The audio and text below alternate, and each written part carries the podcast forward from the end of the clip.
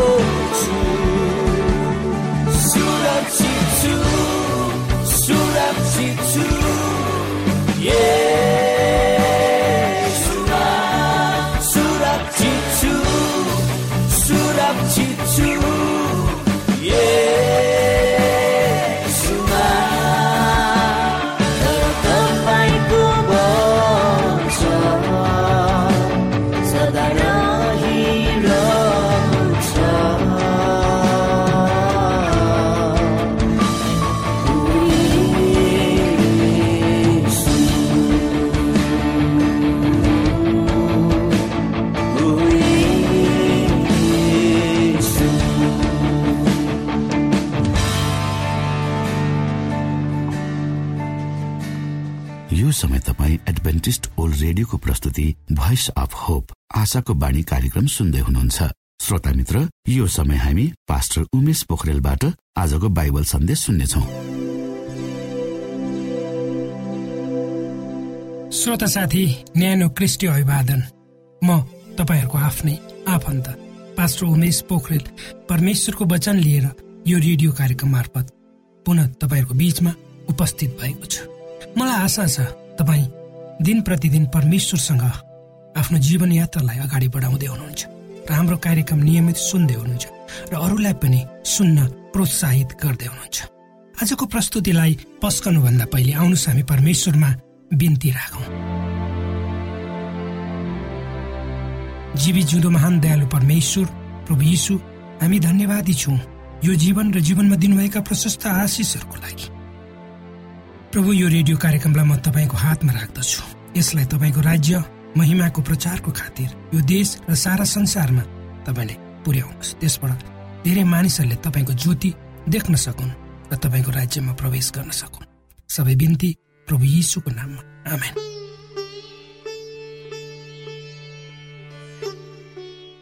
श्रोता साथी एउटा भनाइ छ।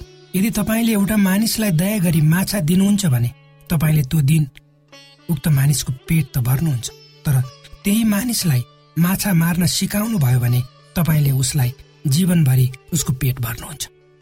कुनै पनि व्यक्ति स्वस्थ र जवान जबसम्म हुन सक्दैन तबसम्म उसलाई ऊभन्दा माथिका मानिसहरूले उचित रूपमा उसको लालन पोषण गर्दैनन्। अर्थात् युवाहरूलाई हामीले कुनै उत्साह र सहयोग नगरी त्यसै छोडिदिउँ भने उनीहरूले केही पनि गर्न सक्दैनन्। वा उनीहरूको क्रियाकलाप कुनै अर्थ बिनाको हुन सक्छ। अर्थात् आफ्नै नानीहरूलाई हामी हेरौँ उनीहरूलाई हामीले उचित शिक्षा दीक्षा दिएनौँ पालन पोषण गरेनौँ भने उनीहरू हुर्कन सक्दैनन्। कुनै मानिस आफ्नो जीवनमा चम्कन उसले उचित शिक्षा दीक्षा सहयोग र सल्लाह पाउनुपर्छ। त्यस्तो वातावरणमा हुर्कने अवसर पाउनुपर्छ। अर्थात् कुनै पनि व्यक्ति आफ्नो जीवनमा सफल हुन पर्छ भने उसले पाउनुपर्ने अगुवाई उसले पाउनुपर्ने उचित शिक्षा दीक्षा उसले पाउनुपर्छ। यो अधिकार र अवसर मानिसलाई अचानक प्राप्त हुन सक्दैन श्रोता। मानिसले आफूलाई उठाउने वा आफै उठ्ने दुई मध्ये एक काम गर्दछ। धेरै मानिसहरू स्वभावले अरूलाई भन्दा आफूलाई उठाउने काममा लागेका हुन्छन्। किनकि मानिस स्वभावले स्वार्थी प्राणी हो। र जे कुरामा पनि आफू भन्ने भावनाले उसलाई गजगजाइरहेको हुन्छ। तर यदि तपाईँले राम्रो उद्देश्य साथ अरूलाई उठाउने प्रयास गर्नुभयो भने निश्चय नै त्यसले तपाईँलाई पनि आशिषित बनाउँछ। तर निर्णय तपाईँको हो। तपाईँ आफ्नो लागि मात्र जिउने कि अरूको निम्ति पनि? श्रोत साथी पवित्र धर्मशास्त्र बाइबल हेर्ने भने श्रोत साथी पवित्र धर्मशास्त्र बाइबललाई हेर्ने भने बार्नबास अरूलाई उचाल्ने बाटो चुनेको देखिन्छ। उनको वास्तविक नाउँ जोसेफ थियो तर सुरुका इसाईहरूमा जुझारु अगुवा हुने थिए र उनी अरूलाई माथि उचाल्न चाहन्थे। उनले आफ्नो नाम परिवर्तन गरे र वर्णावास राखे जसको अर्थ उत्साहको पुत्र भनेर बुझिन्छ। आफ्नो इज्जत र प्रतिष्ठालाई दाउमा राखी अरूहरूको जीवनलाई नयाँ गरी सुरुवात गर्न उनी प्रयत्नरत थिए। त्यही सन्दर्भमा वर्णवासको साउल जो पछि पाउल भए सँगको सहकार्यले स्पष्ट पार्दछ। साउलको काम त्यस बेलाका इसाईहरूलाई दुःख दिनु झ्यालखानामा हाल्नु र मार्नु थियो। त्यो दुर्भाग्यको कुरो हो। त्यसैले साउलले इसाई सहित प्रचारक स्टेफन माथि ढुङ्गा हान्न अरू मानिसहरूलाई उक्साए र स्टेफनको मृत्यु भयो र उनी पहिलो इसाई शहीद भए। त्यति बेलाका सबै इसाईहरू सावलदेखि डराउँथे र इसाईको हत्यारा भनी उनीदेखि टाढा बस्थे।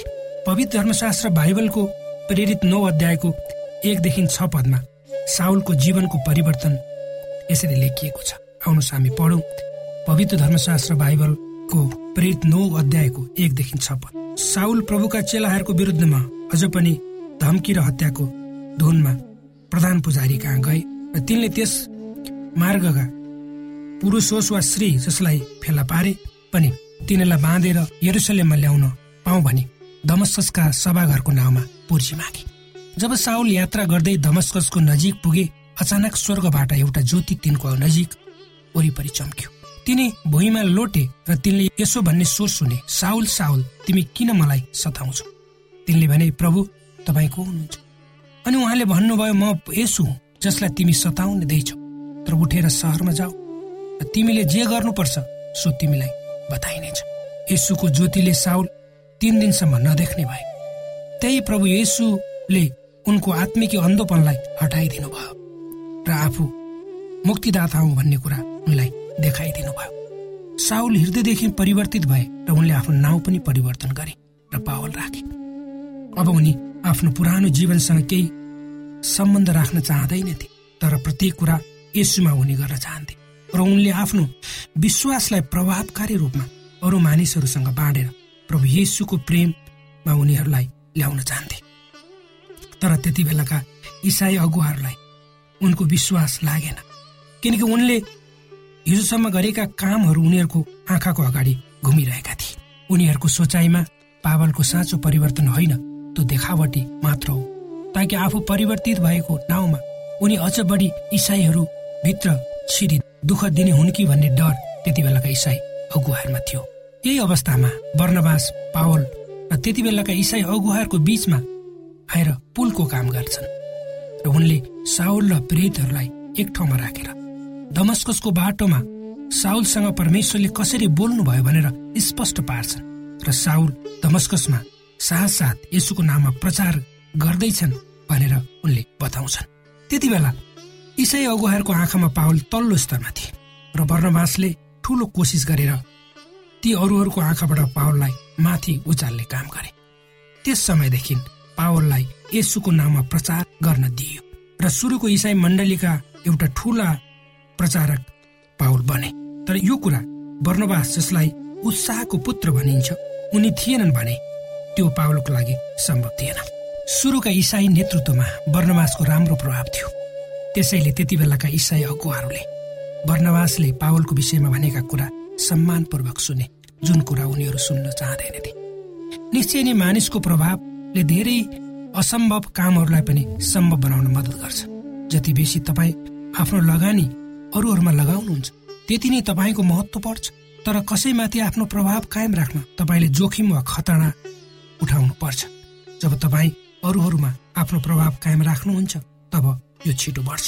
जब मानिसहरूको सफलतामा तपाईँ खुसी हुनुहुन्छ तब तपाईँको प्रभाव तिनीहरूमा निश्चय बढ्छ।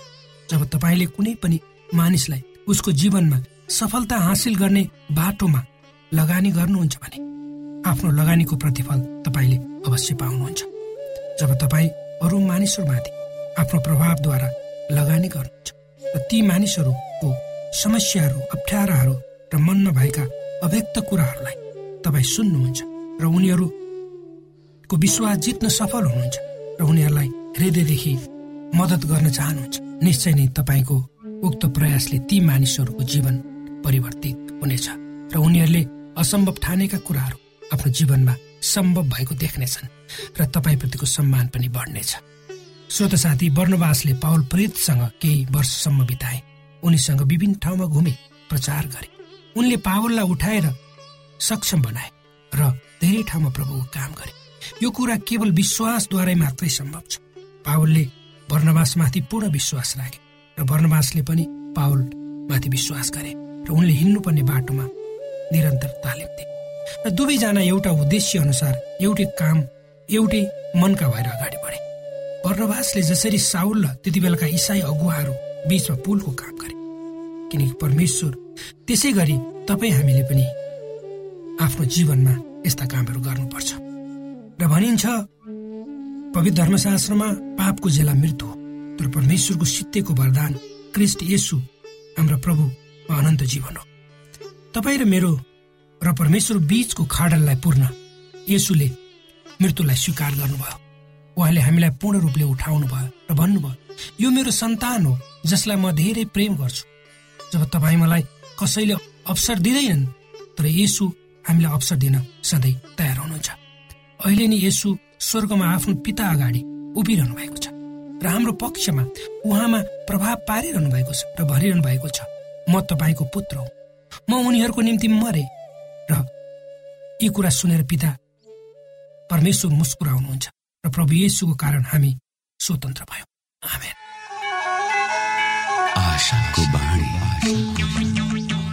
श्रोता भर्खरै यहाँले पास्टर उमेश पोखरेलबाट बाइबल वचन सुन्नुभयो। यो समय तपाईँ एडभेन्टिस्ट ओल्ड रेडियोको प्रस्तुति भोइस अफ होप आशाको बाणी कार्यक्रम सुन्दै हुनुहुन्छ। कार्यक्रम सुनेर बस्नुहुने सबै श्रोतालाई हामी हाम्रो कार्यक्रममा स्वागत गर्न चाहन्छौ। श्रोता मित्र यदि तपाईँ जीवनदेखि हरेस खानु भएको छ तपाईँका जीवनमा धेरै अनुत्तरित प्रश्नहरू छन् भने आउनुहोस् हामी तपाईँलाई परमेश्वरको ज्योतिमा डोहोर्याउन चाहन्छौ। र तपाईँ आफ्नो जीवनका चिन्ता फिक्रीबाट निश्चिन्त हुनुहोस् र बाँच्नुको आनन्द परमेश्वरको सामिप्यमा कति मिठो हुन्छ त्यो चाख्नुहोस् भनी हामी चाहन्छौँ। श्रोता यदि तपाईँ आशाको बाणी कार्यक्रमलाई अनलाइन सुन्न चाहनुहुन्छ वा डाउनलोड गर्न चाहनुहुन्छ भने डट ओआरजीमा जानुहोस्। त्यहाँ तपाईँले प्रत्येक दिनको कार्यक्रम सुन्न र डाउनलोड गर्न सक्नुहुनेछ। हाम्रो वेब पेज यस प्रकार छ डब्लु डब्लु डब्लु डट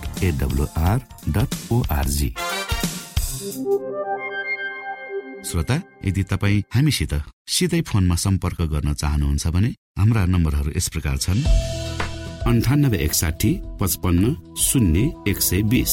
अन्ठानब्बे एकसाठी पचपन्न शून्य एक सय बिस। र अर्को अन्ठानब्बे अठार त्रिपन्न पन्चानब्बे पचपन्न। अन्ठानब्बे अठार त्रिपन्न पन्चानब्बे पचपन्न।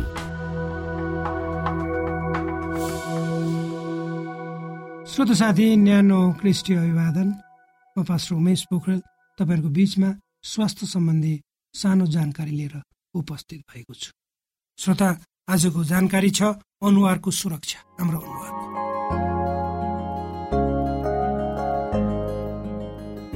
पुरुष वा महिला सबै आफ्नो सौन्दर्यप्रति सचेत हुन्छन्। सुन्दर तथा शान्त जीवन सबैलाई मन पर्छ त्यसैले मानिसले सधैँ आफ्नो सौन्दर्यताप्रति ध्यान दिइरहेका हुन्छन्। सुन्दर देखिन महिलाहरूले विभिन्न उपाय अप्नाइरहेको देखिन्छ। तर एक अध्ययन अनुसार महिलाको हाराहारीमा पुरुषहरूले पनि आफ्नो सौन्दर्यताप्रति ध्यान दिन थालेका हामी पाउँछौँ। विभिन्न सौन्दर्य सामग्रीले बजार भरिएको हामी पाउँछौँ। त्यसरी नै मानिसहरूमा आधुनिक उत्पादन प्रयोग गर्ने प्रवृत्ति पनि बढ्दै गएको छ। त्यसले मानिसहरू आफ्नो कमाईको ठुलै भाग सौन्दर्यतामा खर्च गर्न पनि पछि पर्दैन। यसरी आफूले प्रयोग गर्ने सौन्दर्य सामग्रीहरू कति भर पर्दा छन् भन्ने विषयमा ध्यान दिनु एकदमै जरुरी छ। नत्र भने सुन्दर देखिने सहरमा अनुहार बिग्रिन पनि सक्छ। नत्र भने सुन्दर देखिने रहरमा अनुहार बिग्रिन पनि सक्छ। अनुहारको सुरक्षाको लागि केही घरेलु उपायहरू छन् जसलाई हामी सहज तरिकाले प्रयोग गर्न सक्छौँ। जवान अवस्थामा डन्डीफुर प्राय मानिसहरूमा समस्याको रूपमा देखिन्छ। कतिजनाले अनुहार नै बिग्रिने गरी डन्डीफुर आएका हुन्छन् जसले गर्दा उनीहरू एकदमै चिन्तित भएको। डन्डीफुर हटाउने विभिन्न उपाय मध्ये कागती पनि एक एउटा कचौरामा कागतीको टुक्रालाई निचोरेर राख्ने अनि कागतीमा गुलाब जल मिसाएर लगाउँदा डन्डीफोरबाट मुक्त पाउन सकिन्छ। यसलाई पन्ध्र दिनसम्म नियमित प्रयोग गर्नु राम्रो मानिन्छ। डन्डीफोर हटाउने अर्को घरेलु उपायमा कागती काँक्रो दुधलाई पनि लिन सकिन्छ। कागतीको एक चौथाइ भागलाई काँक्रोसँग पिसेर नतताएको दुधमा मिसाएर अनुहारमा लगाउँदा छालाको रक्षाको साथै डन्डीफोर निर्मल पार्न सकिन्छ। यदि कुरूप नै हुने गरी डन्डीफोर आएको छ भने दिनमा तीन पटकसम्म सफा पानीले अनुहार धुने डन्डीफोरलाई ननिचोर्ने दैनिक दुई लिटर भन्दा बढी पानी पिउने मसलाजन्य परिकारहरू थोरै खाने अनुहारमा आवश्यकता अनुसार सौन्दर्य सामेको प्रयोग गर्नुपर्छ। मदिरा चिया कफी एवं सुर्तीजन्य वस्तुहरूको प्रयोग गर्नु हुँदैन। दैनिक केही समय आराम गर्नुपर्छ। निकै थाकेको अवस्थामा आँखा बन्द गरेर आराम गर्नु उपयुक्त मानिन्छ। यदि छाला सामान्य छ भने मह र दुध मिसाएर लगाउँदा अनुहारमा चम्मक आउनका साथै विभिन्न समस्याहरूबाट जोगिन सकिन्छ। यदि छाला चिल्लो छ भने बेसनको पिठो काँचो दुधमा मिसाएर लगाउँदा पनि अनुहारको सुरक्षा हुन्छ। यदि सुक्खा र चिसो हावामा लगातार हिँड्नु भएको छ भने आलु घोटेर अनुहारमा दल्नु राम्रो हुन्छ। त्यसै गरी गहुँको छोक्रामा काँचो दुध र मह मिसाएर लगाउँदा अनुहारमा चमक आउँछ।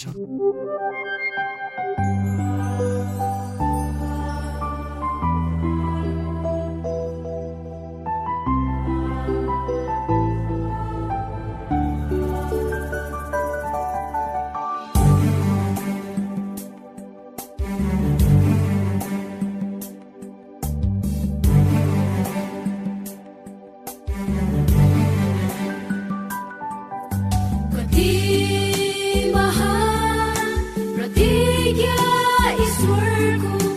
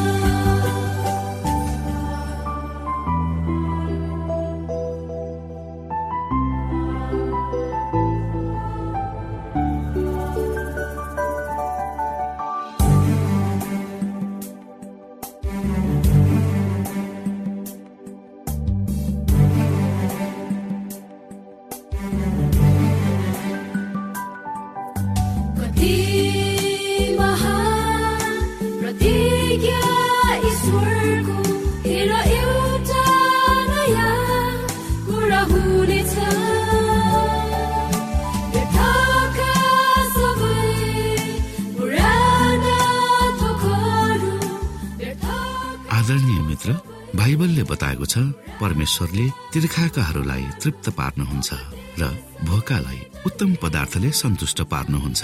हामीलाई दिइएको यो छोटो समय आशाको बाणीको प्रस्तुतिको समयमा हामीले हाम्रा श्रोताको आत्मिक भोकलाई केही मात्रामा भए तापनि सही प्रकारको खोराक पस्केर आत्मिक सन्तुष्टि दिन सकेका छौं केही ऊर्जा थप्न सकेका छौं भनेर हामीले आशा राखेका छौं। आफ्ना मनमा भएका केही दुविधा र शङ्काहरू छन् भने अवश्य हामीसँग बाँडेर शङ्काको निवारण गर्नुहुनेछ र सही प्रकारको बाटो पहिलाउन सक्नुहुनेछ परमेश्वरको सच्चाइले अझ राम्रो बुझ्न सक्नुहुनेछ र आफ्नो जीवनलाई परमेश्वरमा पूर्ण समर्पित भएर समर्पण सहितको जीवन बिताउन सक्नुहुनेछ भनेर आशा राख्दै अब हामी हाम्रो कार्यक्रम सकिएको जानकारी यहाँलाई गराउन चाहन्छौ। जानुभन्दा अगाडि श्रोता हामी यहाँलाई हाम्रो ठेगानाको विषयमा जानकारी गरौं। हामीसँग पत्राचार गर्ने हाम्रो ठेगाना यस प्रकार छ। आशाको बाणी पोस्ट बक्स नम्बर दुई शून्य शून्य शून्य दुई काठमाडौँ नेपाल। आशाको बाणी पोस्ट बक्स नम्बर दुई शून्य शून्य शून्य दुई काठमाडौँ नेपाल। यसै गरी श्रोता यदि तपाईँ हामीसँग सिधै कुराकानी गर्न चाहनुहुन्छ भने हाम्रो फोन नम्बर यस प्रकार छ। अन्ठानब्बे एकसाठी पचपन्न शून्य एक सय बिस। अन्ठानब्बे एकसाठी पचपन्न शून्य एक सय बिस र अर्को अन्ठानब्बे अठार त्रिपन्न पन्चानब्बे पचपन्न।